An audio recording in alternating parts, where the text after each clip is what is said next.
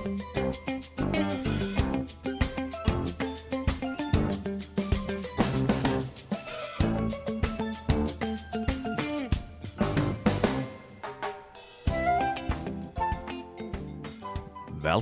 og Bilgelongt.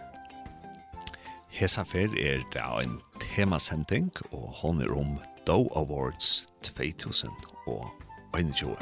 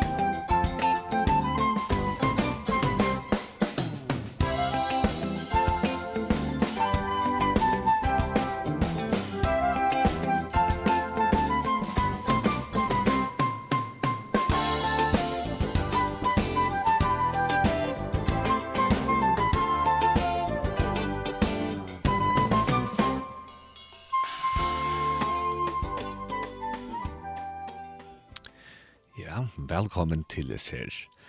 Temasendingene om Do Awards 2021. Til så løs at nå leier nottene, til å si klokkan 8 om morgenen, altså leier morgen, og til sånn 23. oktober 2021 klokkan 08.00 ta vera det som heter Do Awards latnar og man kan sammanlukna Do Awards vi Oscar, etla vi Fairways Music Awards, og Do Awards tar vera givinar for eh, kristnan nutojar tånløyk. Og hette er nektan størsta virus utlatanen som er til kristnan tånløyk om atla heimen, og hon er altså kvarjonare, og hon er ivrig i Nashville, i Tennessee i USA. Og til så løs til en kristen TV-kanal som sender bøgnløys av internett noen som fyrer at sjånvarspa bøgnløys fra Doe Awards sjånen. Og den kanalen hon heter Trinity Broadcast Network. Og henne kan man finne via ferien av heimasugina www.tbn altså Trinity Broadcast Network, TBN, og så er det punktum org. Og da man så er kommet inn av tpn.org, så skal man gjøre en brukare til olje og kjøtt, og så tar man gjørst brukaren, så slipper man altså ja, på en løs kjønvars fra TPN. Og her er det nekt godt, det var bare serier, det var filmer, det var townløyk, det var kristna taler og kristna møter. Men altså nå, 23. oktober klokkan 08.00 tar vi så Do Awards show sent. Og hessa er Do Awards, det stendte så fyrir dikva, altså Do til en dikva, og det er så inspireret av symbolen og i kristendommen av Høyleanta. Og ja, stad og etnar ter sutja seg ut som dikver. Og ja, disse her viruslønner tar vi altså latnar for den besta kristna tannløgjen som har vært i ut Arnold som er ferdig. Og det er et som heter Gospel Music Association, GMA, som eh, gjever seg her viruslønner ut. Og GMA blei stående nu kan fra tra fyrtrus i USA fordi at stola under og at promota kristna tånløyk.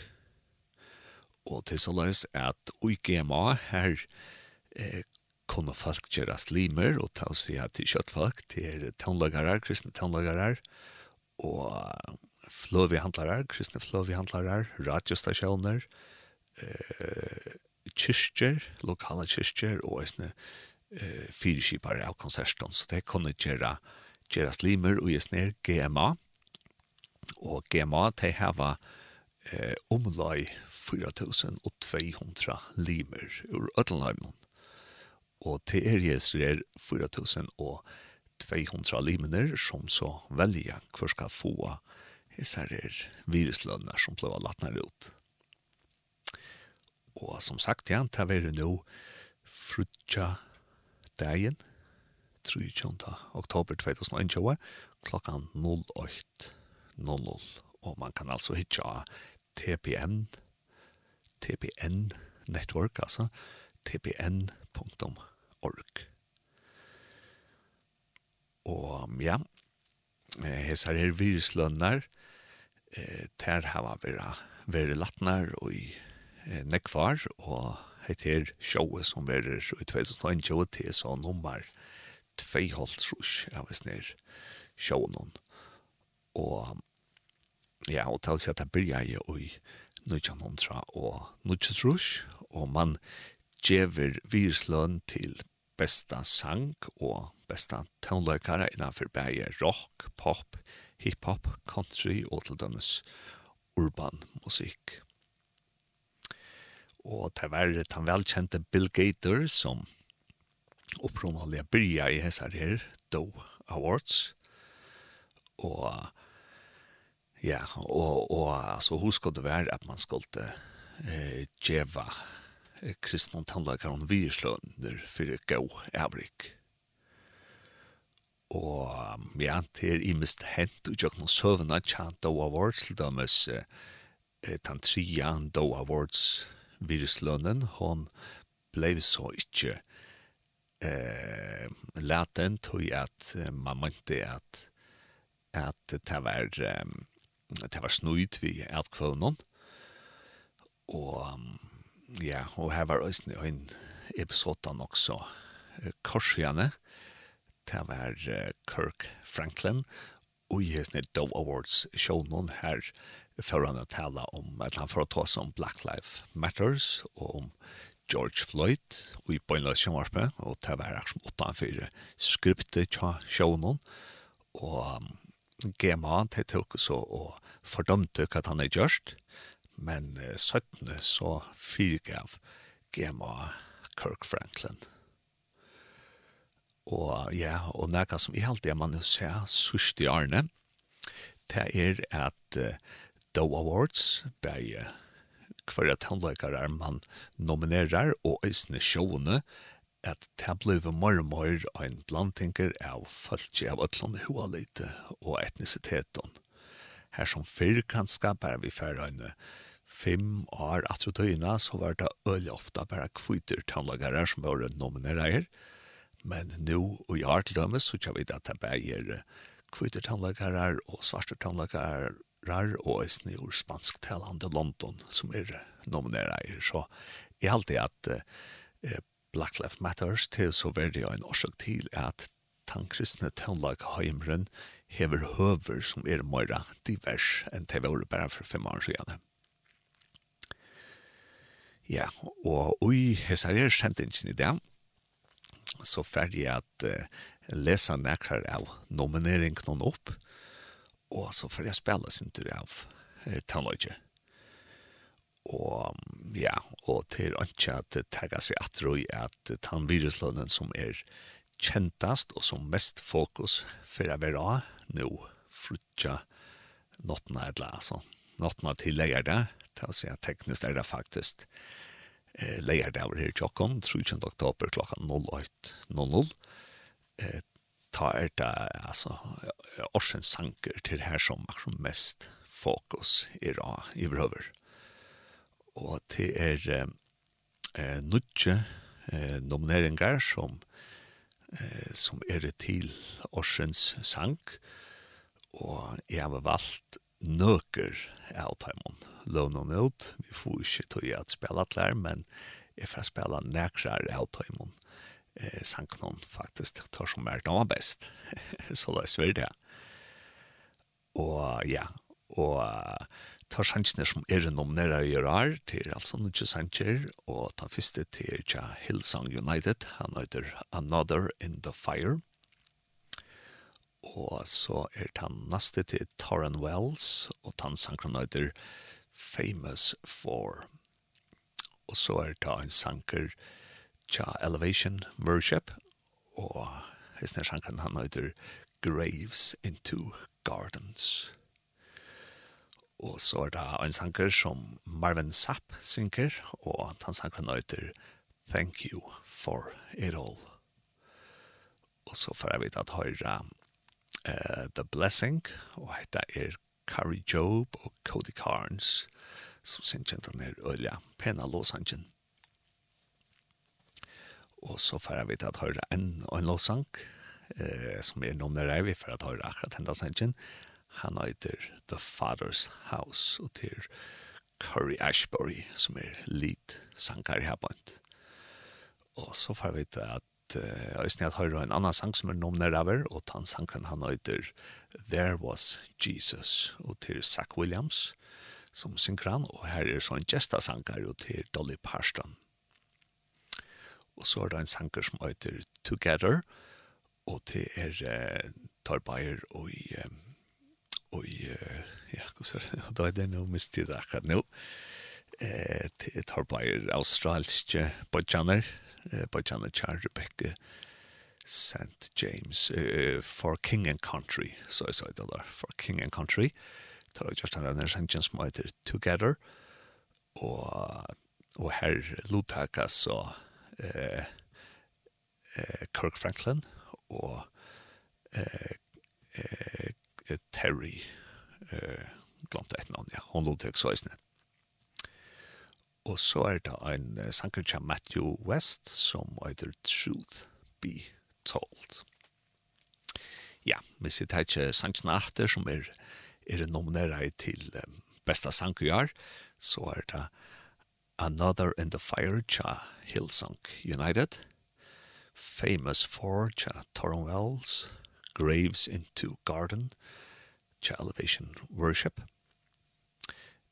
uh, Speak to Me og til uh, Troy Taylor, og så er det Thank You for It All cha Marvin Sapp, og så er det The Blessing cha Carrie Job og Stephen Furtick, og og så er det The Father's House, Chuck Curry Ashbury, og Ethan Hulst, og så er det There Was Jesus, Cha Zach Williams, vi Dolly Parton som jazzasangare, og så er det sangren Together for King and Country, her som Kirk Franklin, med til navn Nøysen Lodtegger, og så er det Truth Be Told, Cha Matthew West. Og jeg får jeg spela fem av oss nere eh, sangnon som er nominere til eh, Orsens sang, og den første sangren som vi får at høre, det er sangren Truth Be Told, og det er tja Matthew West. Kjær så vel.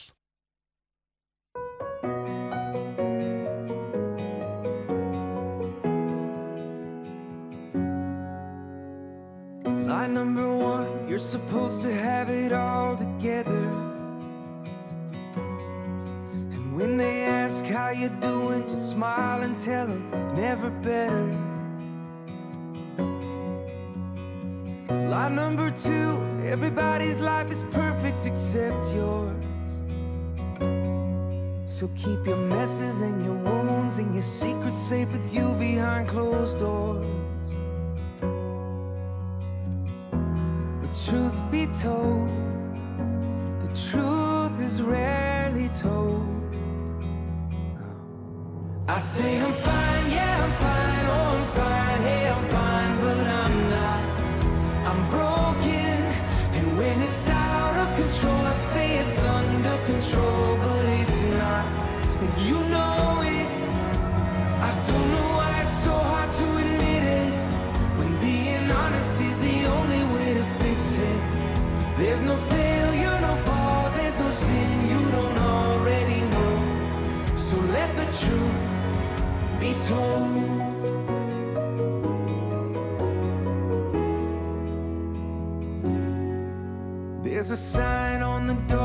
Says come as you are but I doubt it.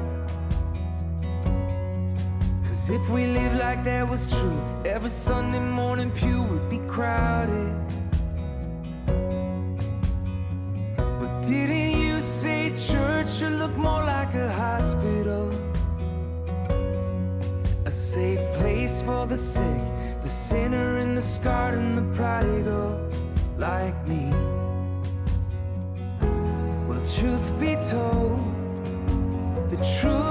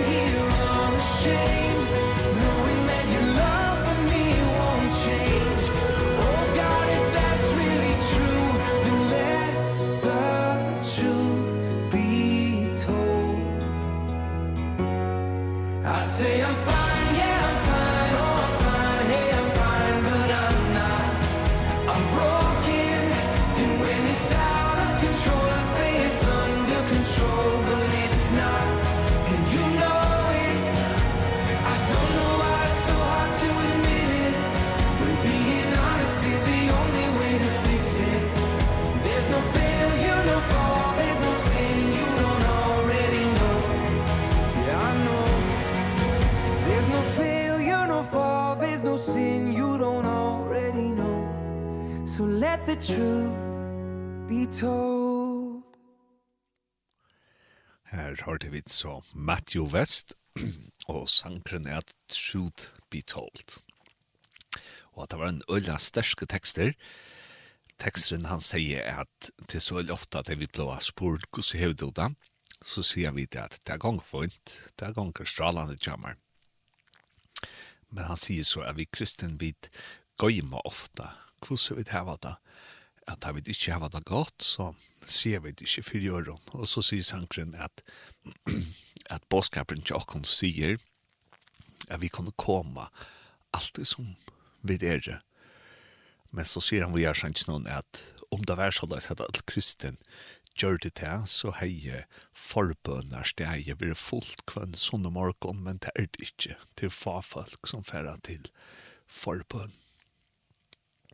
Og Sankta sier òsne at ja, at Jesus har sagt at boskapen er for de som sutja seg som sjuk eh, her som eh, folk som er eh, bortefæren, folk som hava sinter, folk som hava sår. At eh, de øya vera om man høyra sutja av om kristnån at vi hava sår. Og det som vi bare sier til er at jeg har det funnet, jeg har det funnet. Men han kan si så, men jeg har det ikke funnet, jeg er bråten. Og selv om alt er ikke i orden, så sier jeg at alt er i orden. Og jeg gjør det at jeg sier at alt er i orden, selv om jeg vet at jeg hadde vært ærligere til den øyneste maten. Jeg begynner at vi kjenner hvordan jeg har det, og at jeg kjenner hva og sangren oppfordrar så tidlig at man kommer fram for god og fram for de som har forbund og sier hva man strøyest vi, sier sinter og sier storaner og øytaner som man gonger vi. Ja, så har snart teksten vært utrolig gav aldri. Tja, Matthew West, Truth Be Told, han tror jeg er fengkande lang, men ja, kanskje er det lusen til for og orkanalt hos jeg til å vinne seg kategorina. Her er som sagt nudjelø som kapast. Og den neste sangren som er for jeg spiller, han øyter Together. Og eh, til så øystene, hva skal man si, tema i av Shownon, Dow Awards Shownon, som er 3. oktober klokka 08.00 det tema jag heter Together Stronger, att samman är det vitt stärsk. Men alltså visst när sjankren som är för att spela nu, han heter Together och det är For King and Country som spelar han och det har alltså gästa sangare och det är Tori Kelly och Kirk Franklin. Og jeg snir sankren han kom ut i 2020, 1. mai, og altså Doe Awards som er junior nu i år, alltså i tog två allt sjön där show någon till för tonlök som kom ut i R4 alltså 2020. Och Esner Sankren han kom som sagt ut 1 maj 2020 och det var så bänt under eh, corona eh, tøyene. Og ja, og, og Esner Sankren han vidtjer så Esner til eh, korona eh, periodene som vi var jo i. Og her er en video som vi alltid er ølja eh, syende, og, og just nær videoen her ser man eh, folk som er jo i karantene, har man tja seg sjalvån, og øsne eh, sankarner, torpeier, eh, som er jo i for king and country. Og ja, og jeg ser eh, som er i karantene som man ser på i da og videoene. Til folk som strujast vi, vi sjukne eh, covid-19 og til folk som har mist omkran og tar er kære som døye av covid-19.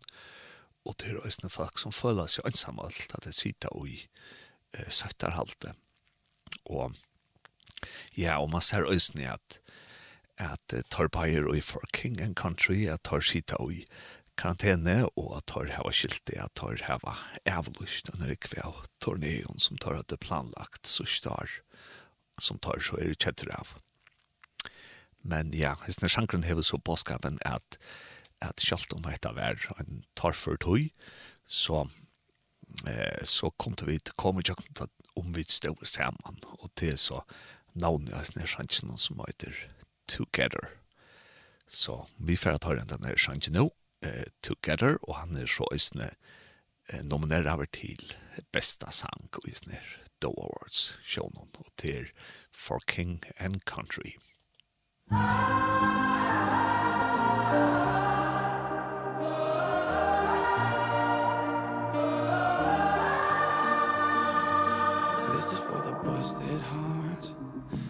for the question marks. This is for the outcast so lost control No one knows. Sing it for the can't go back. Sing it for the broken past. Sing it for the just found out Life is now upside down. If you're looking for hope tonight, rain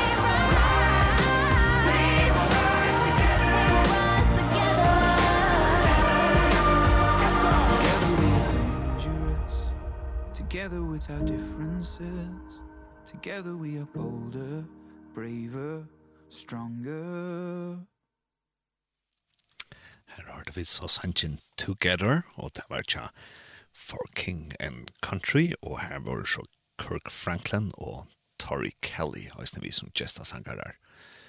Og jeg snir sang kan er så innstilt til besta sang i Doe Awards, og jeg halte at jeg snir sang kan er faktisk en chans av vinnan trygg, ja.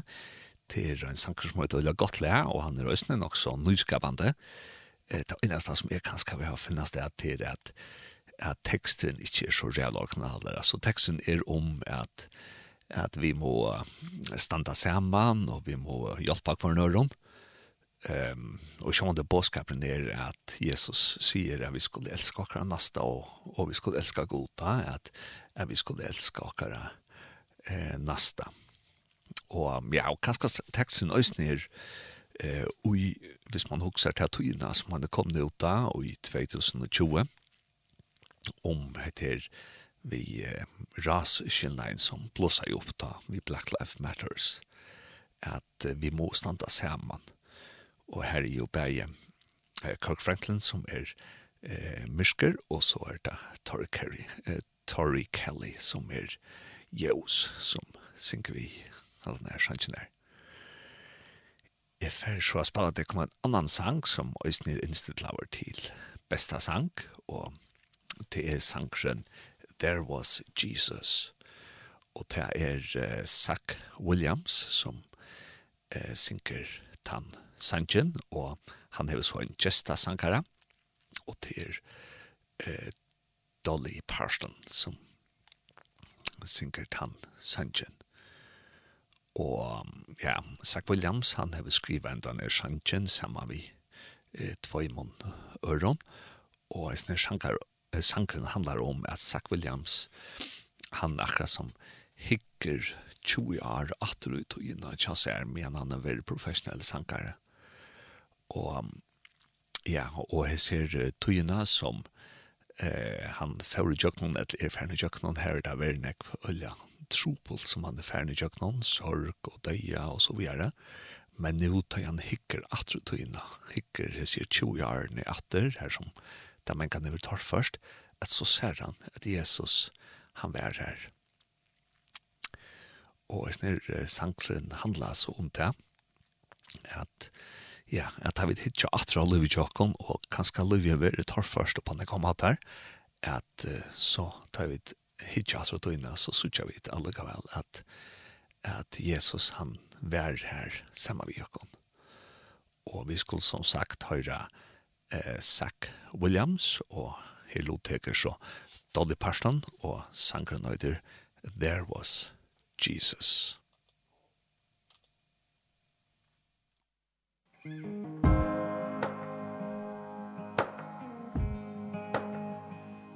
Every time I try to make it on my Every time I try to stand, start to fall And all those lonely roads that I've traveled on There was Jesus. When the life I built came crashing to the ground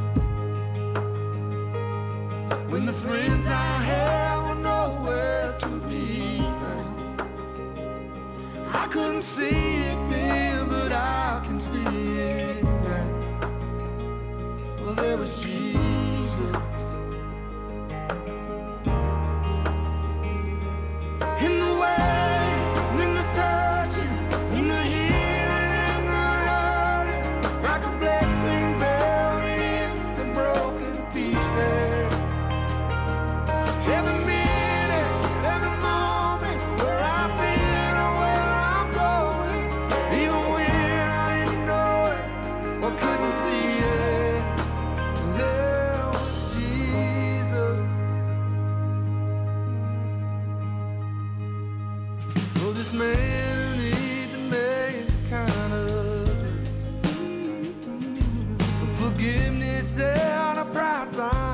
babe And I'm not perfect so I thank God every day. Well it was Jesus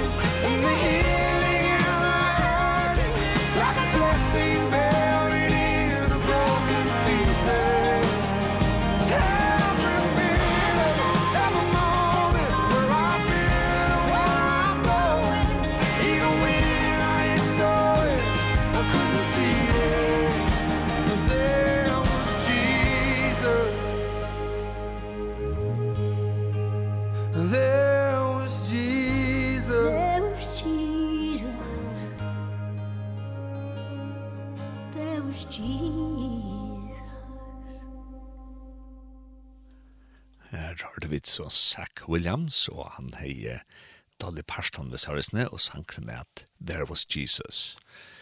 Og jeg tykker at hesten sankren hever en chans at vinna denne prusen for Orsens sang. Eh, han hever bæg at ser godt le, er nokso originaler, vi til at Dolly Parton er vi, og jeg at teksten er velskrivaver. Men så er det en fløva som jeg alltid har skæra fram i år i 2020, og hon er innstilla til øyliga nekva priser til et her Doe Awards show som er der. Og til er Elevation Worship og eh, fløvan av The Graves into Gardens. Og om du ikke vil lort etter henne, så burde du fære lort etter henne. Hun er helt, helt, helt ekvalig god. Hon heter altså Graves into Gardens. At grøver vera gjørter vera gjort her til havar, altså til blomsterhavar, ja? og til altså elevation worship.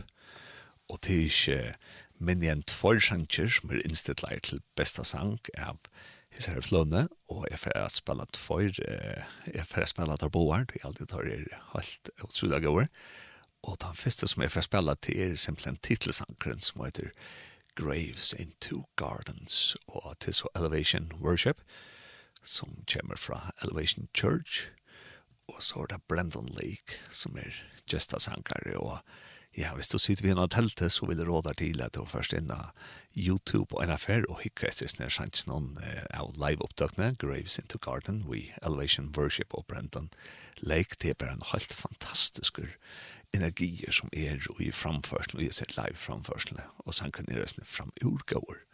Så nå får vi ta den nærsangen som heter graves into gardens.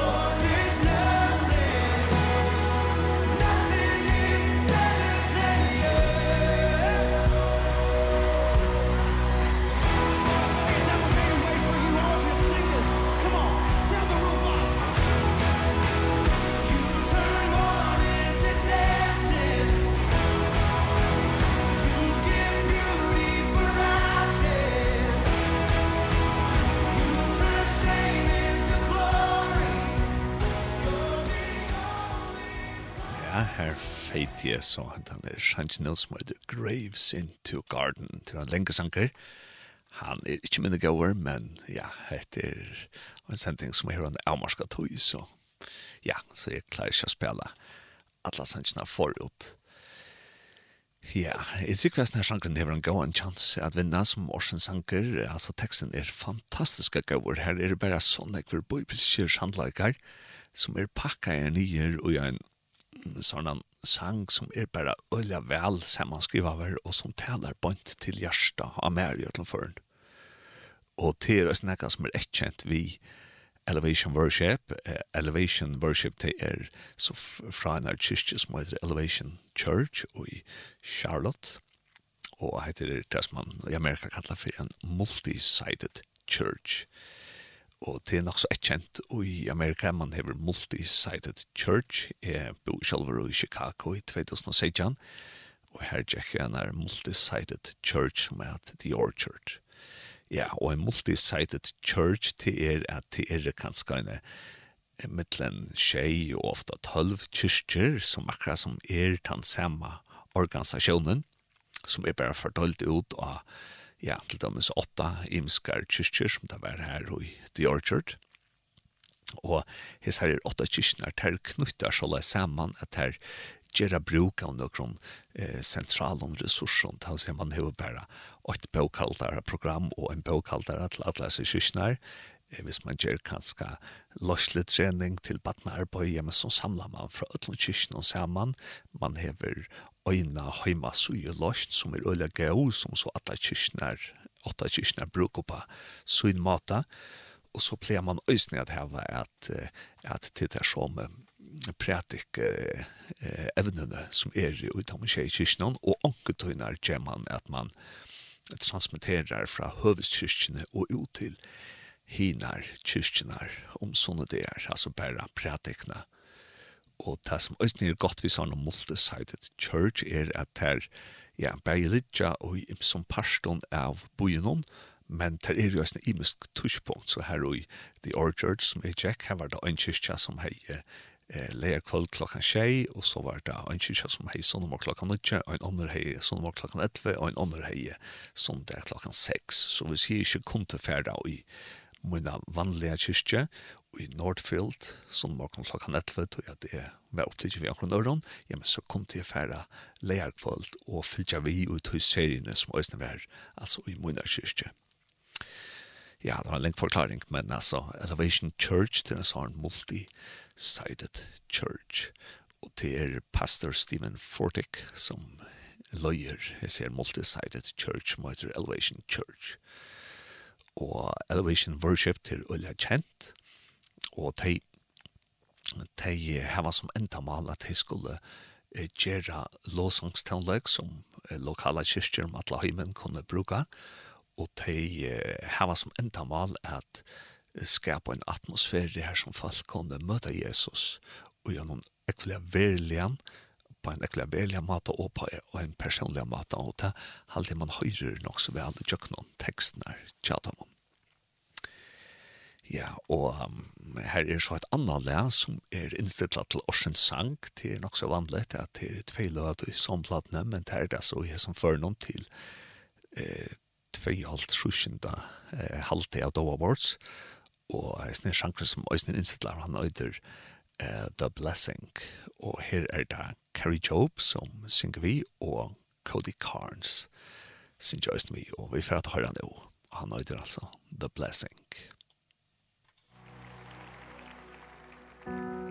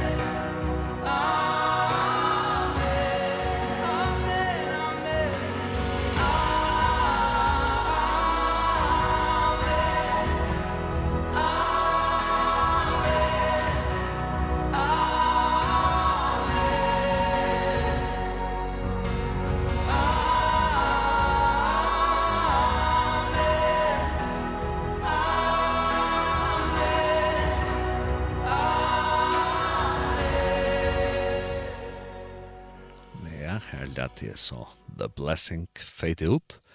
Og dette var altså en sanker av Flown the Graves into Gardens tja Elevation Worship. Jeg fer så at spela en sank altså rett som er innstilt laver til Orsens sank. Og det var vi Curry Ashbury og sankeren nøyder The Father's House. Og han er ikke så lenger så vi fer at høyre han atlan som han er. Her kommer Curry Ashbury vi sannsyn om The Father's House.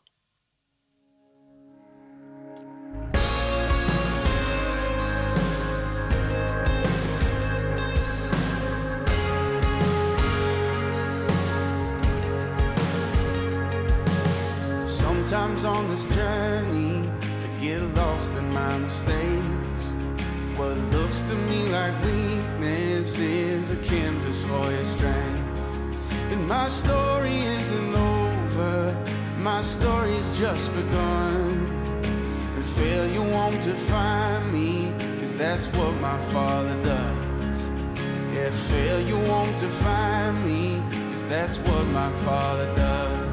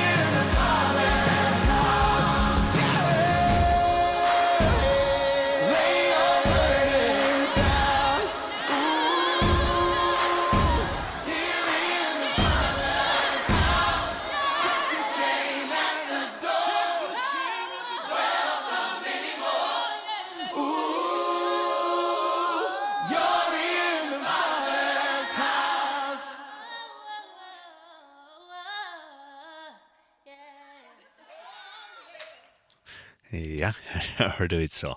The Father's House tja Curry Ashbury.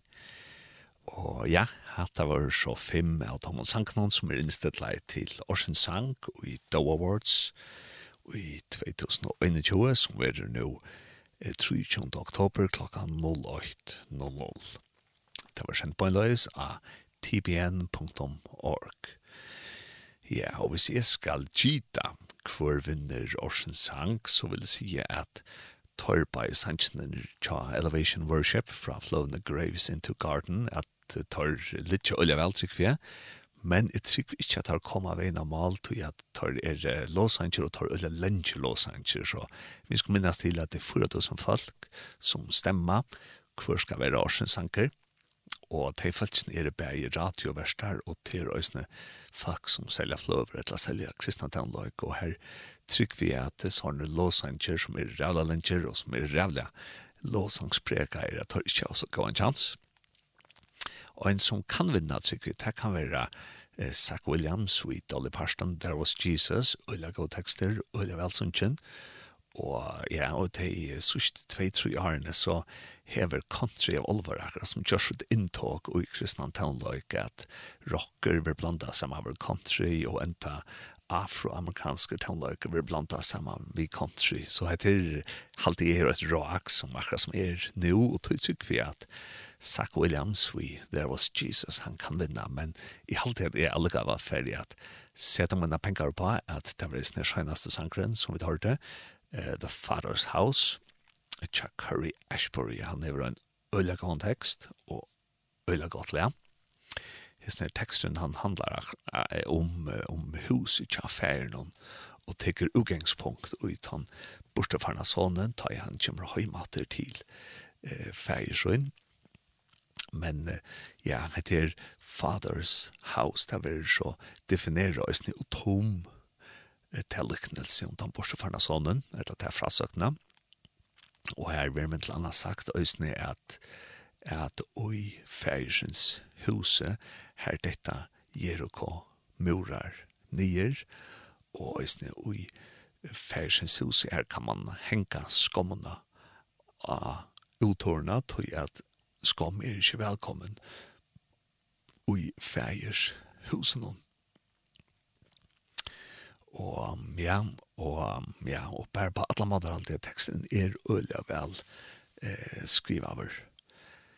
Så ja, jeg tykker faktisk at det er sjankren for å vinne til Curry Ashbury og sjankren Father's House, men det får vi så også ikke nå leger kvalitet.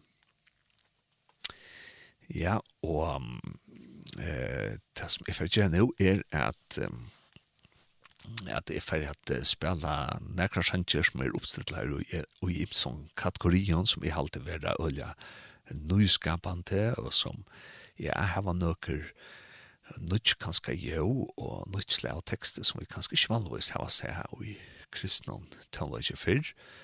Og jeg har valgt uh, uh, en tru foreløy ut som vi får spela som vi halte ja, bera på om nøkka nøyt innanfor eh, tann kristna tannløygen og og eh ja ta fyrsta lei som jag har valt att spela til så eh til så ett country ladla tal så til en country sangare som hever svalt och nekna kvar. Och han är her eh just eh en lover som eh som eh, hever nekvar klassiskar eh, eh sanger. Och og tar uh, sannsene tar synkran så på en og country-aktig mata og han er så skriva et le sjolver som heter Alone with my fate. Og hessene sjankren er ostletlaver til øyna virsløn og i halte at hessene sjankren ja, han akkurat som boar fra nokron utjon innanfor sangskriving bæg tekst og tonløyk og ja, og tog fyrir jeg spela denne sjankren og til Harry Connick Jr. og snir sjankar nøyder altså Alone with my faith. Gjør så vel. Thank you.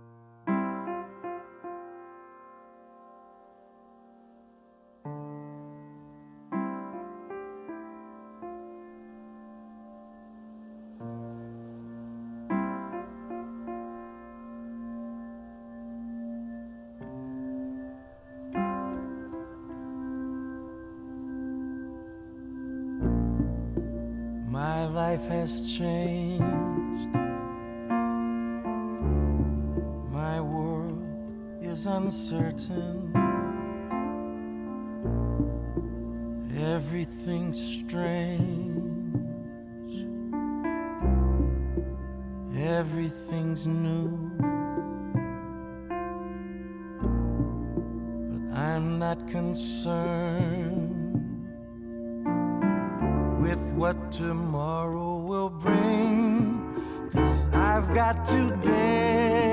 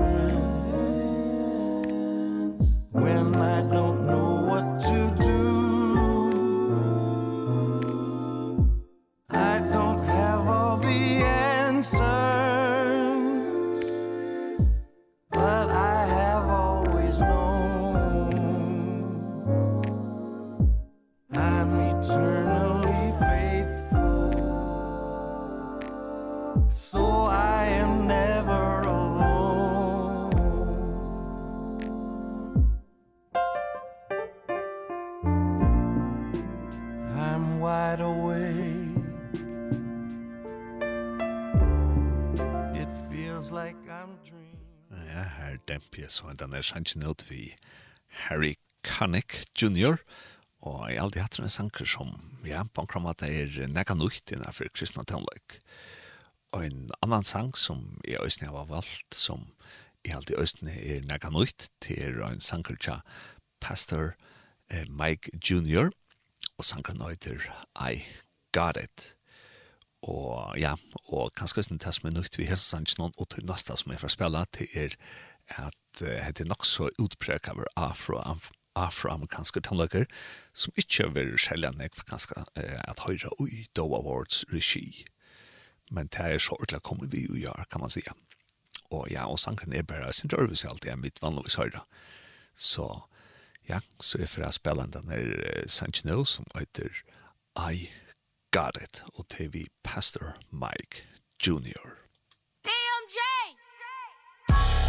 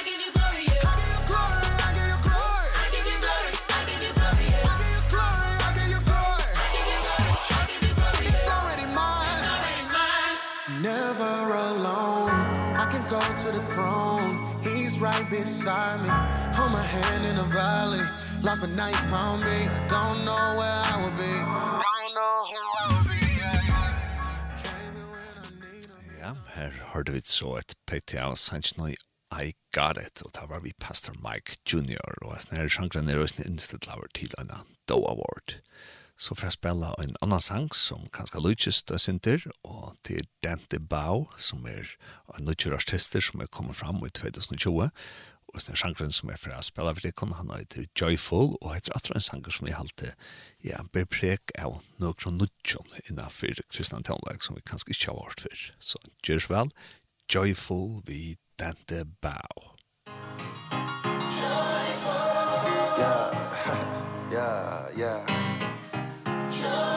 Today, today. Said I woke up to the summer shining through. Calling out my friends asking what's the move. Feeling a little different, I'm on something new. Today, today. I ain't gonna let no clouds get in my way. The only road I'm walking is the one I pick. Catch me sitting in the sun, no type of shade Today, today Ooh. This is the day that the Lord has made Ooh. And I ain't gonna let it slip away I'm gonna be joyful Joyful yeah.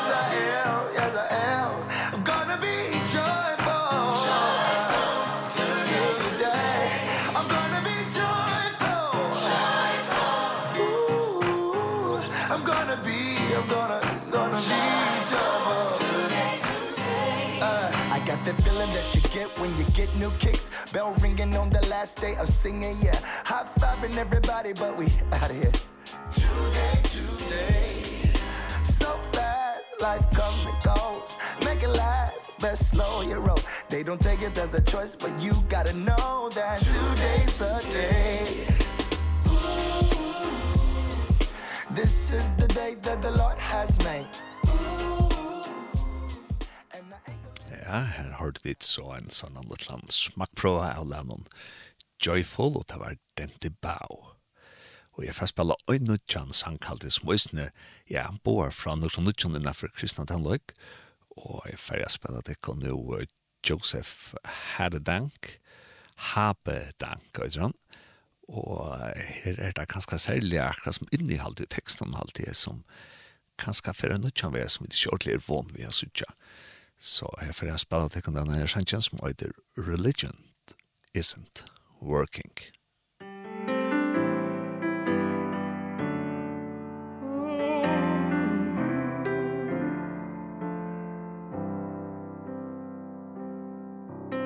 Religion isn't working anymore Religion isn't working anymore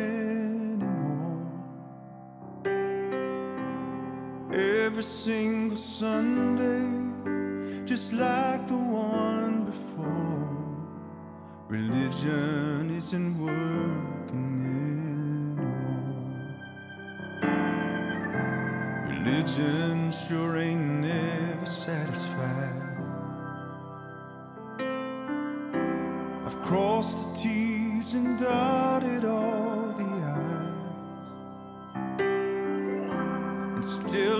feel so empty walking out the door. Cuz religion isn't working anymore. I want to know my blessed savior and love him like I've never loved.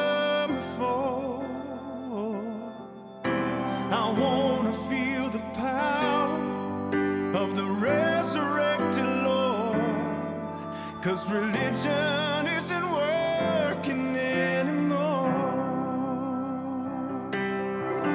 Religion never set nobody free.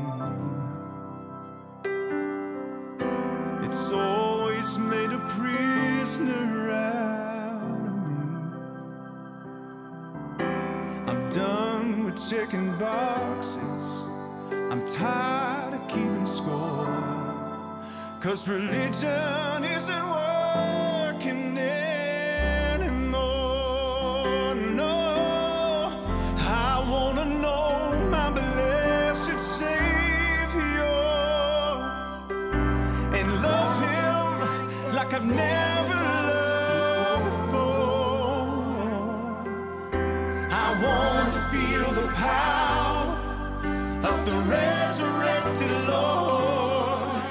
Cause religion isn't working anymore.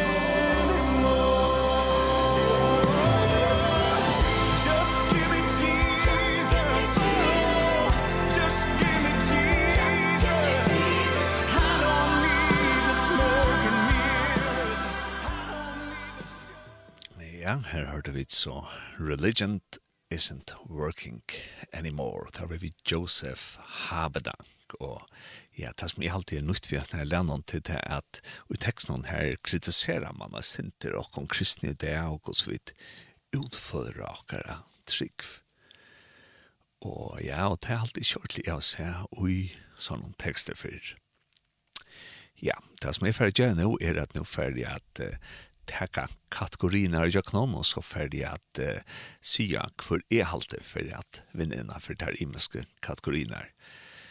Ja, för det første så er det en kategori som heter Artist of the Year, alltså tan eh, listar som är det donligaste i jöknon arre och här är det eh, fem som är uppstått leie til Elevation Worship for King and Country, Lauren Daigle, Phil Wickham og Zach Williams, og jeg tipper at Elevation Worship for at vinna herpoint. Og så er det altså en um, kategori som heter eh, gospelartisteren, Orsens gospelartister, og tar det altså afroamerikanske tonlager. Og her er det Sisi Vinans, jeg tror ikke jeg sier det, Vinans, og Jonathan McReynolds, Kirk Franklin, Tasha Cobbs Leonard og Travis Green heter nokkur øyla kjent navn. Flere av dem har finnes bruser, men jeg halte at man ser i er de som er oppstittlet at, at Sisi Binans hun er, hon er nekvløv i, så jeg tror faktisk at hon fer at vinna. Og så er det en kategori som heter Tan Nutje, konstnæren og Isner Arnon, Og her har vi til Brandon Lake, vi har Kane, vi har Dante Bow, vi har Hope Darst, og så har vi Maverick City Music. Og her tipper jeg at Maverick City Music for at vinna til her Aksmann, ja, hva skal man si, en sammanslåttning av nekvån låsångstallagaren som også har hava imsar sjankre, onker kommer fra rock, onker kommer fra pop, onker kommer bare fra røyne og låsångstøyle, og de kommer så saman. Og ja, jeg tykker at det har en god chans av vinner, og jeg får spille nå et lære, et eller annet, så jeg petter en leie vi Maverick City Music, og et leie som jeg får spille for det kom til, og etter Promises.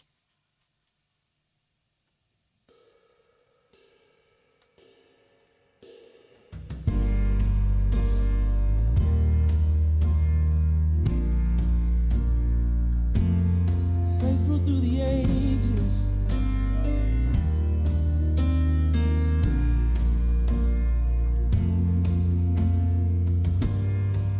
God of Abraham You're the God of covenant And faithful promises.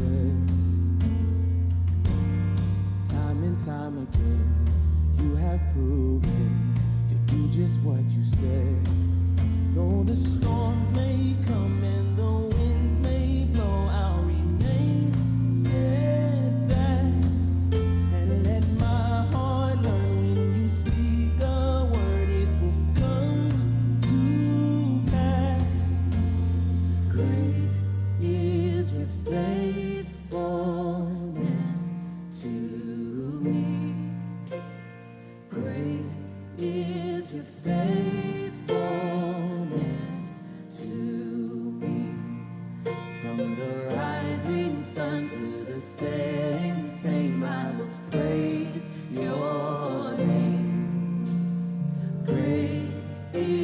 to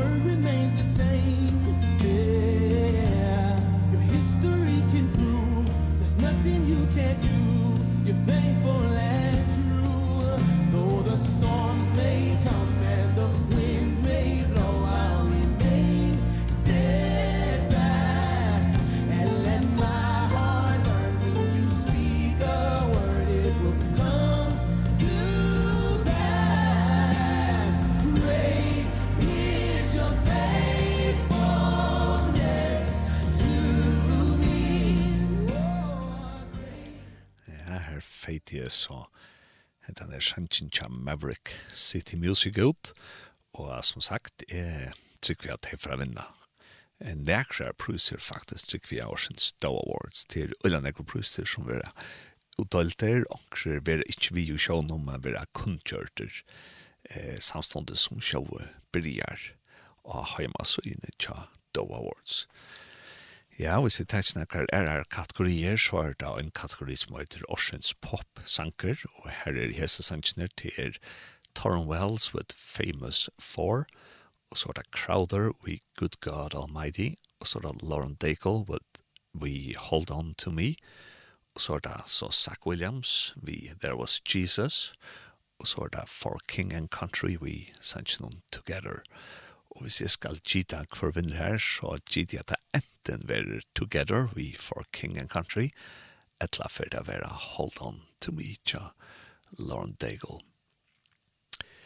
Og så er det eh, en kategori som heter eh, eh, lås, Orsens låsanker, og her er det så Her er så hest løgne nominere til Phil Wickham i Battle Belongs. Her er We the Kingdom i Sanchinon God So Loved. Og så har vi Elevation Mership og Brandon Lake i Graves into Gardens. Så har vi Gyra i Elevation Mership og Maverick City. Og så er det Peace Be Still. Og i GT er faktisk at det var en outsider kanskje, som fra verden av kategorina, og i GT faktisk at det var hope darst vi sannsyn peace be still, og tan sannsyn at leie for at spela for det nå. Så gjørs vel, her kommer hope darst vi peace be still, og han er så innstilt laver til Orsens låsang og i Doe Awards 2019.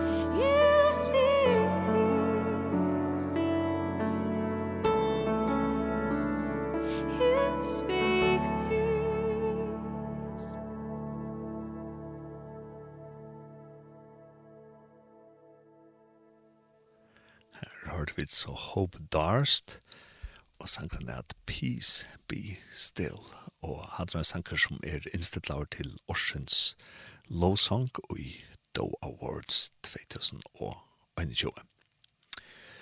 Og ja, eh, Doe Awards til fenner om øllene hver kategorier til hele 200 lø til fløver som er innstittleier, så det fenner om nekv, og alt som tar øsne fevner om til er den beste kristne filmeren som har vært i 2020.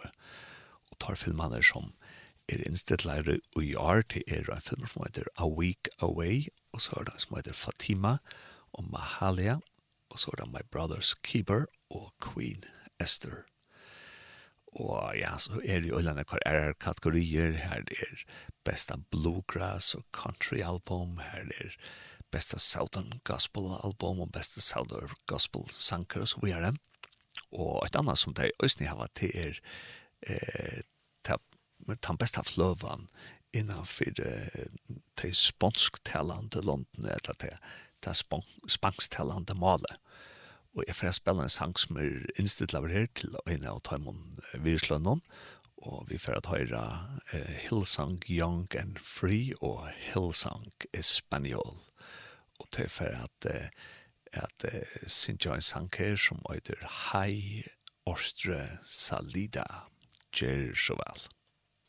Thank you.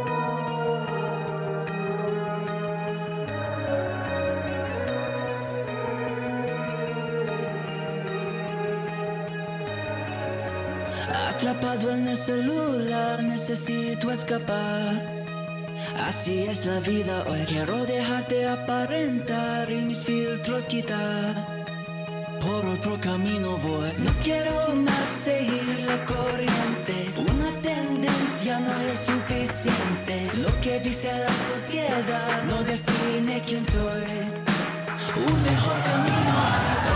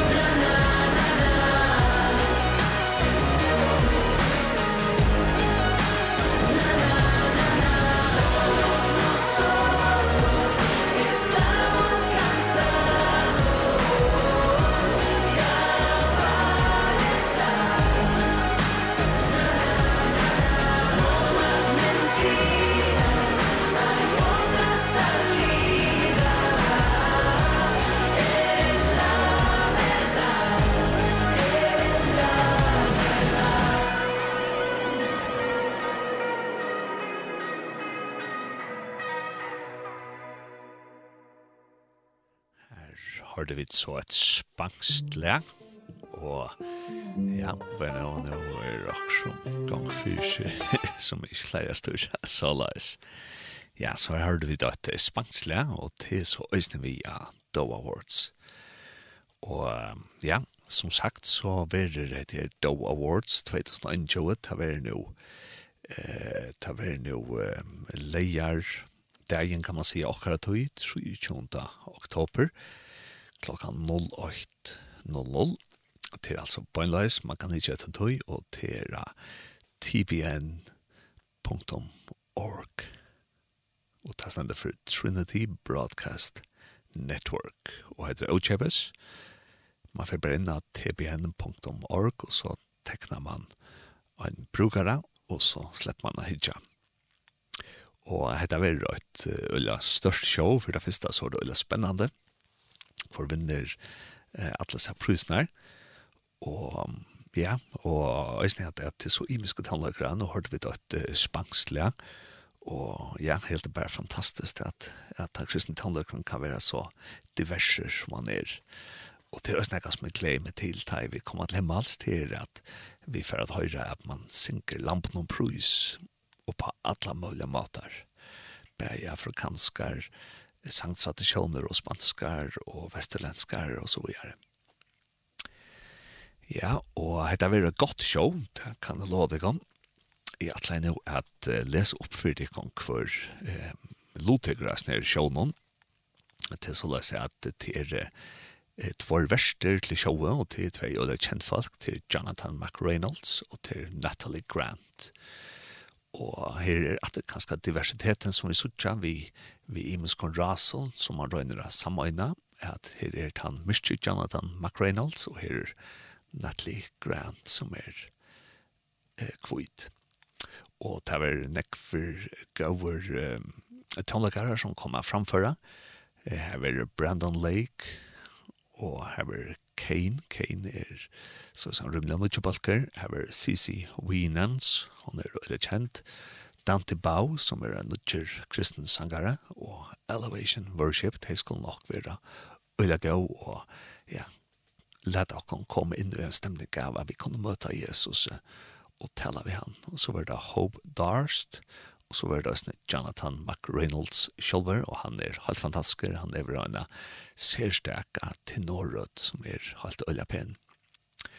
Og så var det Kalanti Gavin, og det var KB, og det var Corey Hawthorne, Lauren Daigle, vi røysene, som jeg kjenner, og så var Mali Music røysene, Matt Redman, Maverick, City Music, Natalie Grant, og The Isaacs, Verøysene, We the Kingdom, Zach Williams.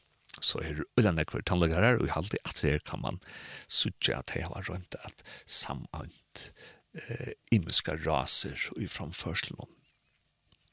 Og så er det noen folk som eh, presentera prysnar som kom av til Øysne Atter, eller kjente sjankarar til Anthony Brown, til Blanca, til Brooke Tidewold til Christina de Claron, Chris Tomlin, Curry Ashbury, Evan Craft, Francesca Baccelli, Hezekiah Walker, Jason Crabb, Jay Damascus, Jacqueline Carr, han alltid øyne vel, Joel Houston, for øyne presentera, Joseph Habedank og Katoli Gavin, Kevin Quinn Lacray, for øyne at presentera, og Mally Music, Pastor Mike Jr. Senak, Social Club Misfits. Så at det er veldig et brek av en show, og øyla godt tidsi opp, og øyla godt jøv, og øyla godt show, så ja, så om du er interessert i fyrre kristne omtallage, så vil jeg melde deg til at sitte oppe til nåttene. Eh, sitte oppe 30. oktober klokka 08.00, sjå være ut for timer, så til livet klokkan troi om nottene. Og ja, jeg gleder meg av Ferlanek som, som tid sikkert høyre av meg. Og ja, og her var atterøtt som jeg trykte, som jeg ikke skulle. Uh, ja, og ja, så jeg får bare si her at uh, at uh, ja, at jeg er jo spenter til uh, hvorfor jeg får seg prøysene her, og, og i neste vike så färg så at det att tacka oj för det var vunnit så här i myske kategorier og om eh mine tippingar var rattar så ja det var spennende sen nästa vecka vi sitter inte klara för jag vi på en lös nå eh leier morgenen klockan 8 til 3 ja og dette var så enten och ja, bildslangt, og ikke der bare at godsikning må være vera vittar i Jesu navnet. Thank.